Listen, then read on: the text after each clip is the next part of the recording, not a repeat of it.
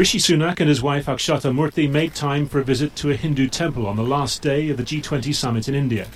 But it was an unscheduled meeting with the Chinese Premier Li Qiang that was making the headlines after a report back in Britain about alleged Chinese espionage within Parliament. Well, I obviously can't comment on the specifics of an ongoing investigation, but with regard to my meeting with uh, Vice Premier Lee, what I said very specifically is that I ranged a range, a range of different concerns that we have in areas of disagreement, and in particular, my very strong concerns about any interference in our parliamentary democracy, which is obviously unacceptable. Chinese media said Premier Li told Mr. Sunak that each country should properly handle disagreements and respect each other's core interests and major concerns. It followed a report in the Sunday Times newspaper that a parliamentary researcher, a British national in his late 20s who'd spent time in China earlier in his career, had been arrested in March. The Metropolitan Police confirmed an arrest had been made, along with that of another man in his 30s. The researcher is said to have had links to the Security Minister Tom Tugendhat, who reportedly severed ties with him before taking up his ministerial post last year and with the fellow Conservative Member of Parliament Alicia Kearns, seen here in Taiwan last year, chair of the influential Foreign Affairs Select Committee. Both MPs have taken a tough line on China. One source quoted in the Sunday Times article said the researcher had been trying to blunt such views within Parliament. The arrest sharpens a divide in British politics, and particularly within the governing Conservative Party, over just how to pursue relations with Beijing.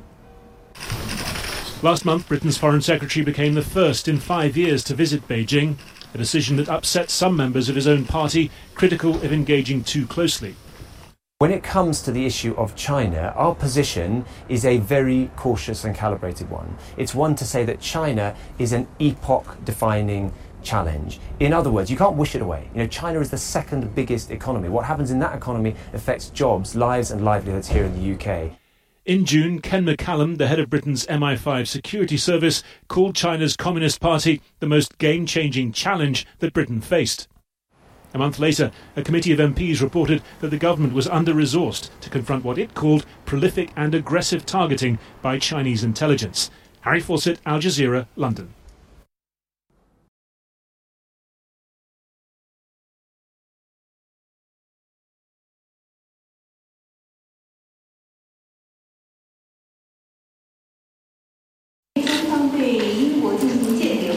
So-called China's espionage activity in the UK is non-existent.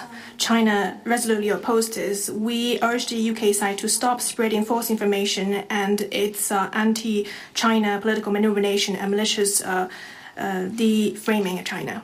Next question, please.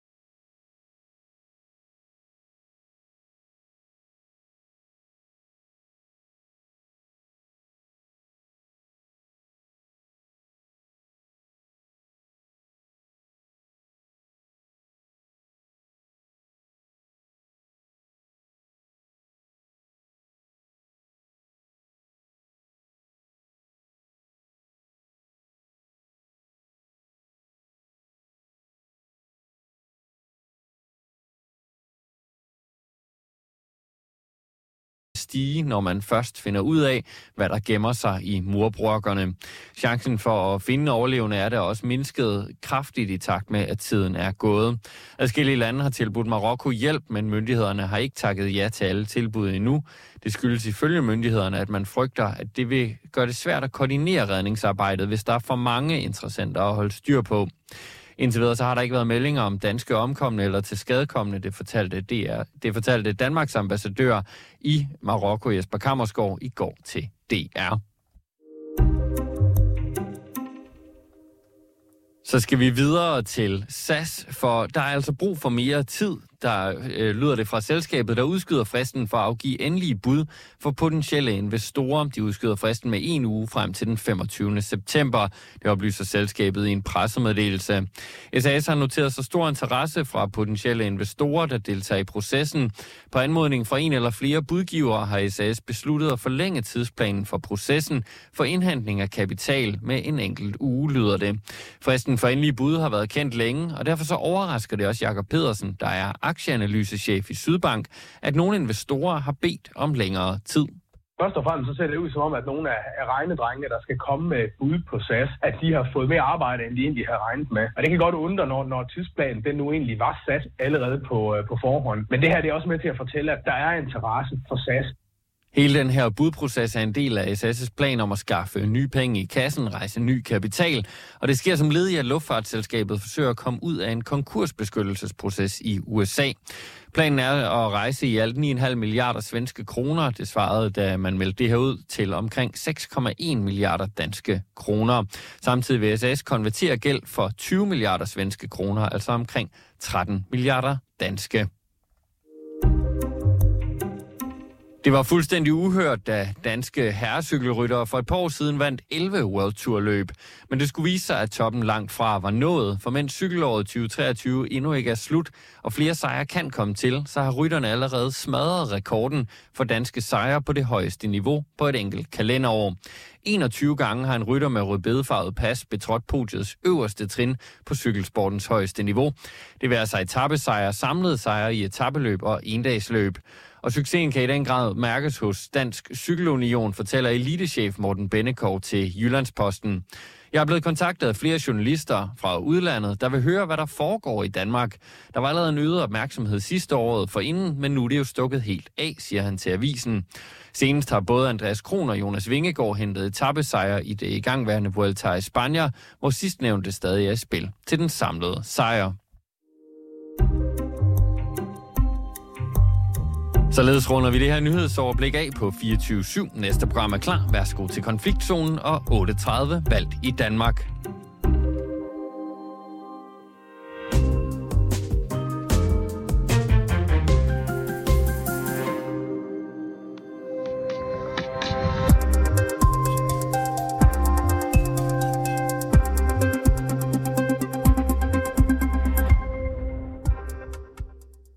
I raise a range of different concerns that we have in areas of disagreement, and in particular, my very strong concerns about any interference in our parliamentary democracy, which is obviously unacceptable. Tydeligvis uacceptabelt lyder det her fra den britiske premierminister Rishi Sunak. Under G20-topmødet i weekenden mødtes han med den kinesiske premierminister Li Xiang, og her valgte Sunak altså at udtrykke sin bekymring over det, han kalder Kinas indblanding i det britiske demokrati. Det sker efter, at britisk politi i weekenden bekræftede, at de tilbage i marts måned anholdt to mænd på mistanke om, at de spionerede for Kina inde i det britiske parlament. Du lytter til konfliktzonen, hvor vi i dag dykker ned i kinesisk spionage, for hvor omfattende er den egentlig i Vesten, og er de her koldkrigsmetoder udtryk for en ny kold krig? Mit navn er Oliver Bernsen.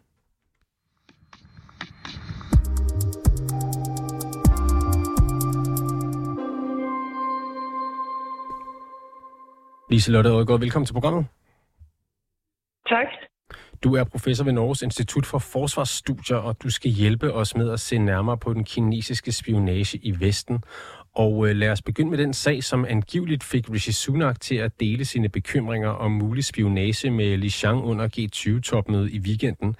Det er nemlig sagen om en mand i 20'erne og en mand i 30'erne, der blev anholdt i Storbritannien under loven om officielle hemmeligheder, The Official Secrets Act, tilbage i marts.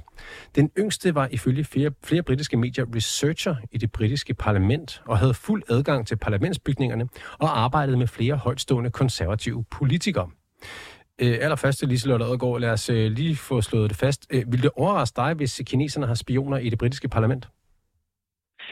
Nej, det vil det desværre ikke. Øh, der er jo altid foregået spionage, og det vil der blive ved med at gøre. Men når det så er sagt, så er kineserne altså kendt for øh, at indsamle oplysninger om stort set alt, og være gode til at skaffe sig adgang øh, til oplysninger, som vi helst ikke have, vil have, de skal have. Så det overrasker mig ikke, hvis det er sandt. Du siger, at kineserne er gode. Øh, der er altid fokus spionage. Kineserne er gode til at indsamle oplysninger om stort set alt, de gerne vil vide noget om. Men, øh, men lige præcis kinesisk spionage, synes jeg måske ikke er noget, som har været så meget på, på radaren. Øh, jeg personligt vidste ikke engang, hvad den kinesiske efterretningstjeneste hed, øh, før at øh, jeg researchede på den her historie. Det kan jeg så øh, fortælle, den hedder MSS, Ministry of State Security. Hvor omfattende er den kinesiske spionage i Vesten egentlig? Jamen, jeg Altså, nu har jeg ikke noget, nogen data på det. Det er jo i selv sagt svært at få. Men altså, som sagt, så er kineserne nogle af dem, der er kendt for at indsamle informationer om stort set alt, de kommer i nærheden af.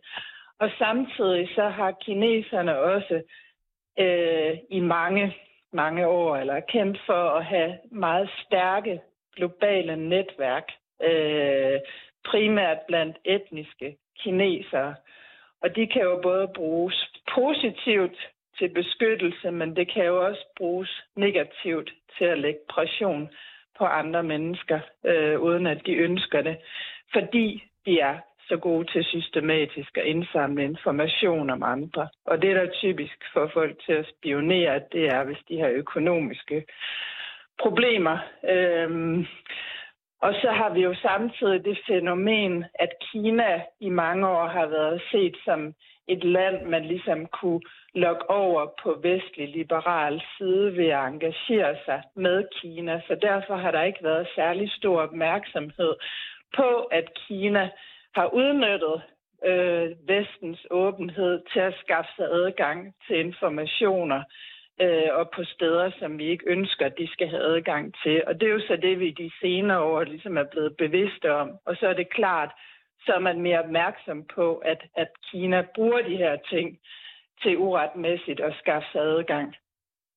Så når øh, en talsperson for det kinesiske udenrigsministerium i England kalder, øh, kalder den her mistanke om spionage for fuldstændig opdigtet og intet andet end ondsindet bagvaskelse, så, øh, så har hun ikke ret.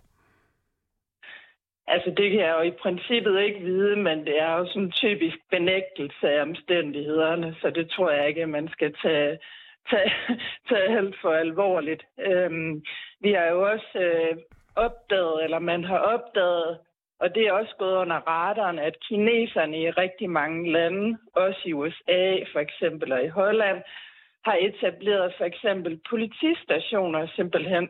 Altså, det er jo faktisk ret fantastisk, at det kan gå under radaren. Men det har man gjort med folk, der så ligesom øver kontrol med, med kinesere typisk, som er i det pågældende land, og jo også udnytter det. For eksempel, hvis de nu har slægtninge øh, i Kina, jamen så kan man jo sige, at hvis I ikke ligesom gør, som vi ønsker, jamen så kan det jo godt komme til at gå ud over nogen hjemme i Kina, for eksempel. Øhm, så, så der er sådan nogle forhold, eller nogle ting, metoder, som kineserne har brugt, som, som er ret radikale, og sådan set heller ikke i overensstemmelse med vestlig lovgivning, som man så først i, er blevet opmærksom på i de senere år. Øhm, og det vidner jo også om, at Kina går ret øh, ret hårdt til værks på de her områder. Men du var lidt inde på det før, Liselotte går. Men hvordan, hvordan får kineserne øh, værvet de her spioner? Ja, men det, det er jo formentlig de typiske metoder. Altså at man som sagt er ekstremt god til at indsamle informationer og data øh, om folk og benytter enhver mulig lejlighed til at gøre det. Og så kan man sige, at i dag at Kina, har Kina jo nogle teknologiske instrumenter, som de ikke har haft tidligere. For eksempel er de jo førende på kunstig intelligens. Og det betyder, at hvor de før måske indsamlede en masse data, som de ikke kunne bruge til så meget, så kan de nu i, dag bearbejde de her data for noget af det, man kan gøre med kunstig intelligens, det er netop at bruge big data. Øh, så de kan overvåge folk og systematisere informationen, og så bruge det for eksempel til at presse nogen øh, ved at sige, du har haft en eller anden, øh, eller du har økonomiske problemer, øh, eller et eller andet har haft en lyssky affære på en eller anden måde. Hvis du ikke vil have det frem i lyset, eller nogle familiemedlemmer, de kan tro med hjemme i Kina, jamen så forventer vi lige, at du gør det her for os. Øhm, så, også fordi, at de har, altså, er førende på nogle af, mange af de her overvågningsmetoder øh, og den teknologi, man kan bruge i dag, jamen så har de sådan lettere spil øh, end så mange andre. Du nævnte før de her øh, såkaldte politistationer, som kineserne har rundt om i verden. Hvordan øh, hjælper det dem med, med at øh, rekruttere øh, spioner eller skaffe sig efterretninger? Jamen, det har jo simpelthen været en måde, hvorpå man kunne have et kontor siddende med nogle øh, ansatte, som jo formentlig så repræsenterer den kinesiske sikkerhedstjeneste i nogle tilfælde. øh, og som så kan simpelthen holde øje med, hvad der foregår ude i lokalmiljøet og være til stede. Altså, og det giver jo også ekstremt gode muligheder øh, for at følge med i, hvad der foregår, og se, hvor der er svagheder, i for eksempel ja, i, det britiske parlament, få fat i nogle folk, det behøver ikke at være kineser, det kan også være andre i lokalmiljøet, hyre nogle folk, som gerne vil tjene penge mod og, og, at, og lave spionage, og så ligesom udnytte den her, det her lokalkendskab, hvor de som sagt er ekstremt, altså har en virkelig en tradition for at være gode til at, øh, at indsamle informationer, og nu også har sådan, teknologisk et forspring på nogle om- områder, som gør dem gode til at udnytte de her informationer til deres egen fordel. Og der skyer kineserne ikke, øh, så de skæver ikke nødvendigvis til vestlig lovgivning i det her spil. Og øh, britterne er ikke de eneste, som er bekymret for øh, kinesisk spionage. Danske PET skriver i deres vurdering af spionagetruslen mod Danmark, Grønland og Færøerne fra maj i år, at de kinesiske efterretningstjenester har meget hvide beføjelser, hvilket betyder, at, citat, alle niveauer i det kinesiske samfund potentielt kan mobiliseres, også i en efterretningsmæssig kontekst, for at nå Kinas strategiske mål. Det lyder jo voldsomt, men synes du, det er rammende? Ja, det synes jeg. Øh, og det er jo ikke fordi, at de kinesere, man så får rekrutteret, nødvendigvis ønsker øh, at støtte øh, kommunistpartiet i Kina. Men som sagt, hvis man nu har følsomme oplysninger på folk af en eller anden karakter, eller kan bruge pression i forhold til, at de har nogle slægtninge i hjemlandet eller andet, Jamen, så er der jo mange, der vil sige, så føler de sig nødsaget til at gøre, som de bliver bedt om. Så ja, vi siger, det er retvisende billede af situationen. Og den britiske premierminister valgte altså at konfrontere kineserne med den her spionage direkte øh, ved G20-topmødet og fortælle pressen om det efterfølgende. Øh, er det her noget, som begynder at komme mere ud i det åbne?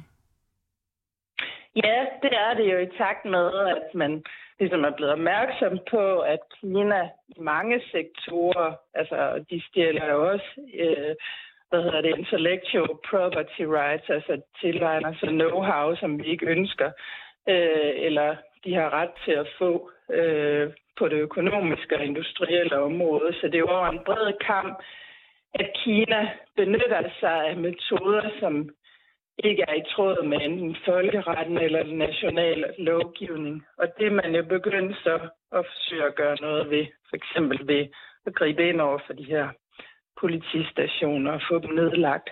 Men det løser nok ikke problemet, fordi Kina har det her teknologiske forspring øh, på områder, der har med overvågning at gøre, og det giver dem altså en kolossal fordel, fordi Kina er jo ikke langt væk længere. De er jo til, de er jo til stede i vores samfund, og det bliver de jo ved med at være.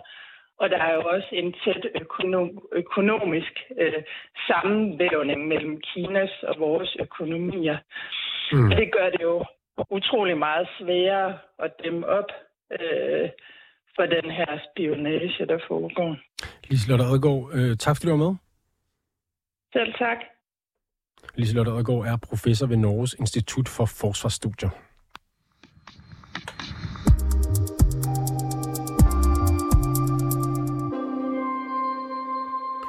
Kan jeg sige velkommen til dig, André Ken Jacobsen.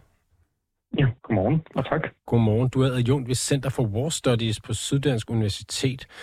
Når man hører om fremmede spioner i vestlige regeringskontorer, der forsøger at påvirke ministre og sende informationer tilbage østpå, så tænker man jo meget hurtigt på Rusland, Sovjetunionen og den kolde krig. Men nu er det altså kineserne, der står bag, og ikke russerne.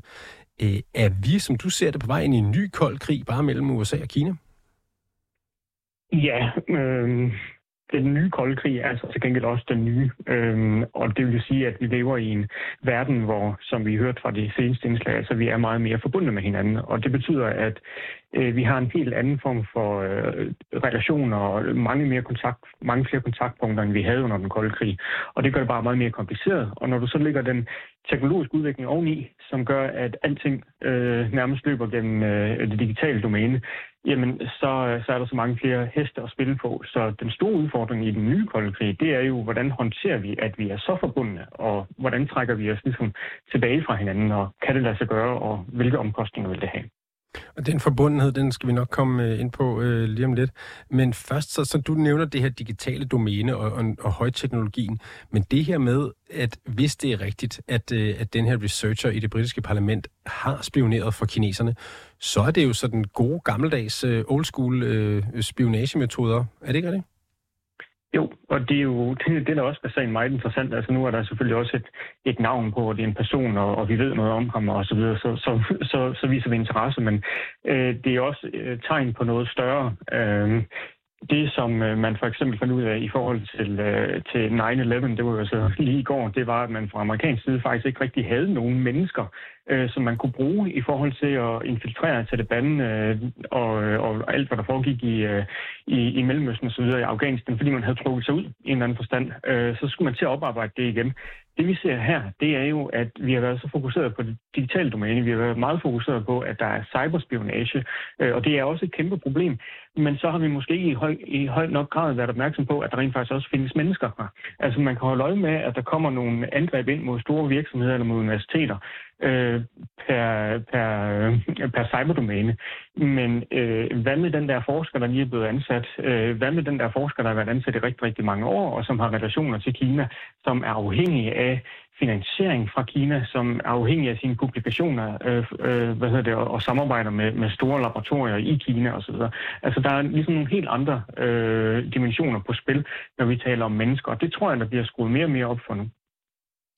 Ja, er det her stigende? Du siger, du bliver skruet op for det. Altså, er, er der noget, der tyder på, at spionagen mellem stormagterne er, er på vej op? Ja, altså det er, jeg tror ikke, der er nogen tvivl om. Der er ligesom to elementer i det.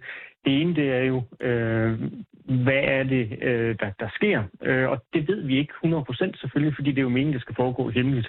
Men øh, den måde, som spændingen ligesom bygges op mellem øh, USA, Kina, Rusland, Iran, øh, Nordkorea. Altså, det er flydende, der sker noget. Folk, de skal positionere sig. Der er noget magt, der er tomrum, som øh, den der udfordring af USA efterlader, og der vil man så prøve at få plads. Det gør, at efterretningsvirksomhed øh, bare får en større plads. Øh, så det vil sige, at der er nok ikke nogen tvivl om, at der er blevet skruet op for efterretningsdelen. Men så er der også den del, der hedder, at vi finder ud af det. Øh, det er der så også blevet skruet op for, at vi er blevet lidt mere åbne om det. Øh, det er jo altså ikke nogle af de her sager, som man som regel publicerer. Øh, ofte så er det sådan noget, man udviser, udviser diplomater, øh, og, og så undgår vi øh, noget større på styr. Øh, vi så det jo i forbindelse med krigen i, øh, i Rusland, hvor man i Europa udviste flere hundrede russiske diplomater, som man mente var efterretningsofficerer. Øh, og, og dem vidste man jo godt, hvem var. Det kendte man jo til, øh, men man reagerede ikke på det, før vi rent faktisk var i krig. Så der er ligesom de der to dimensioner. Hvad er det, der foregår? Sker der mere, end der gjorde tidligere? Ja, det gør der nok. Er vi mere opmærksom på det? Handler vi på det? Ja, det gør vi nok også. Du nævner, øh, og vi hørte øh, tidligere Liselotte Odgaard nævne øh, cyberspionage, industrispionage, som foregår digitalt, altså som også som kan foregå fra Kina.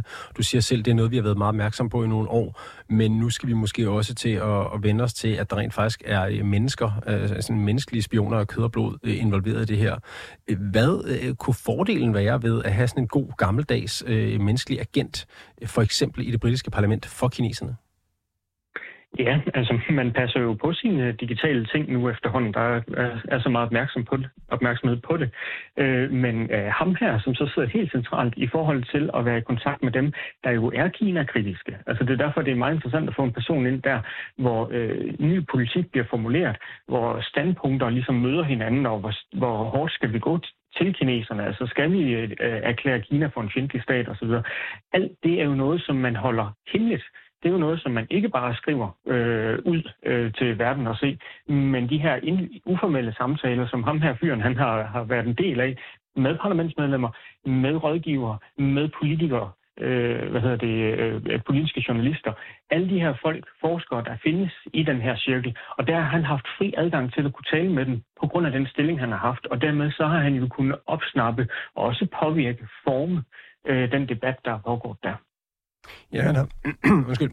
Han, han har været ude øh, gennem sin advokat og sige, at øh, det er fuldstændig forkert det her, og, og han overhovedet ikke har noget med spionage at gøre. Og så siger han også, at han havde jo arbejdet med Kina-politik og, og med at beskrive, hvor stor en trussel Kina er mod Vesten. Det er jo, det er jo meget interessant og paradoxalt det her med, at, at en mand, som, som har haft den opgave, lige pludselig bliver anklaget for at spionere for dem, han er betalt for at advare os imod. Ja, ja så, altså, jeg ved jo ikke, om han er skyldig eller ej.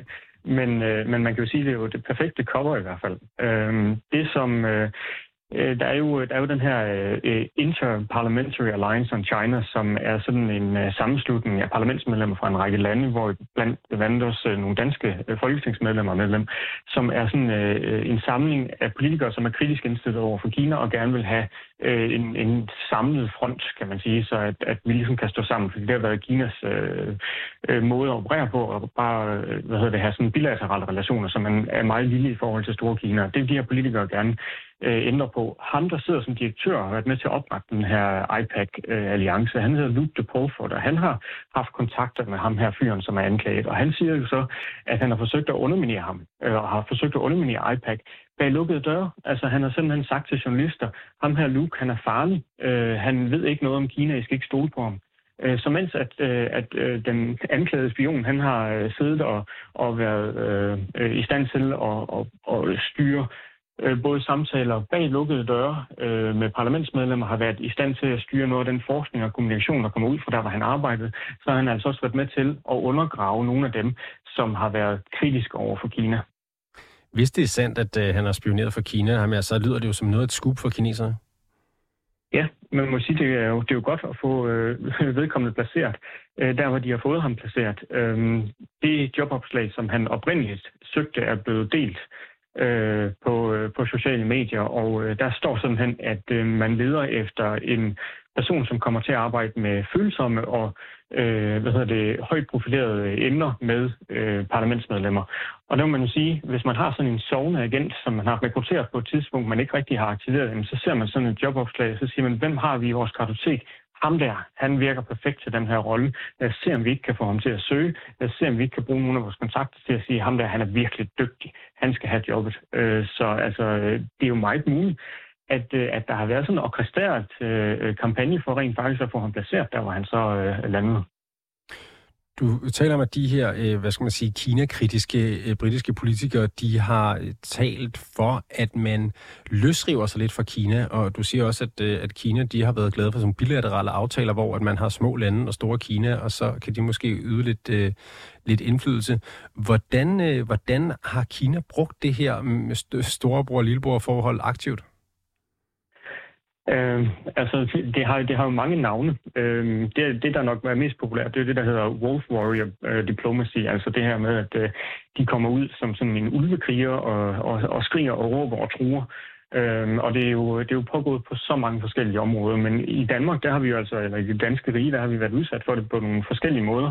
Vi har set det i forhold til færøerne, der blev truet øh, på sådan en frihandelsaftale. De var ved at at, at få i, øh, i hus med øh, Kina, da den kinesiske ambassadør sagde, at hvis I ikke vælger Huawei til jeres 5G-netværk på, øh, på Færøerne, så kan I godt glemme den her frihandelsaftale.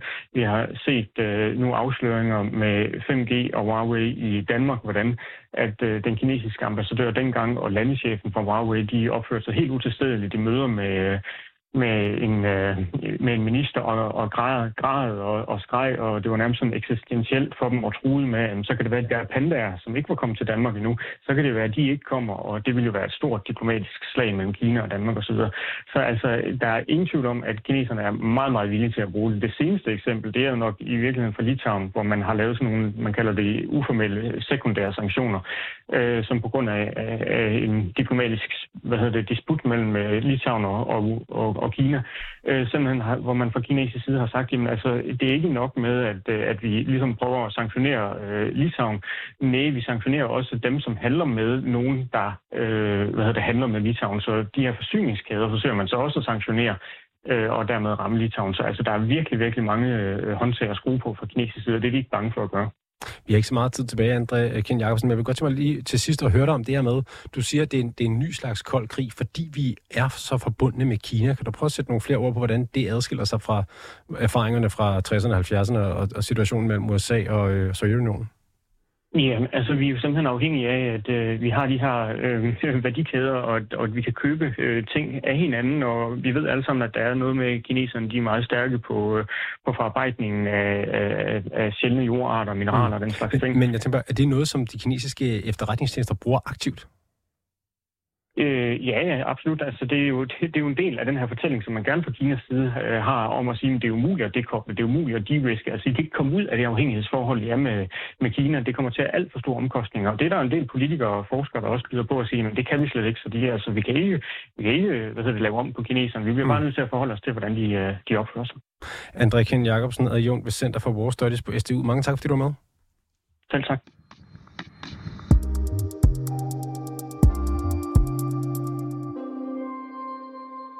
Du har lyttet til dagens afsnit af Konfliktzonen 24-7's udenrigsmagasin. Mit navn det er Oliver Bernsen, og holdet bag programmet er Christine Randa og Sofie Ørts. Du kan lytte til programmet direkte mandag til torsdag fra 8 til 8.30, men du kan selvfølgelig også høre programmet som podcast.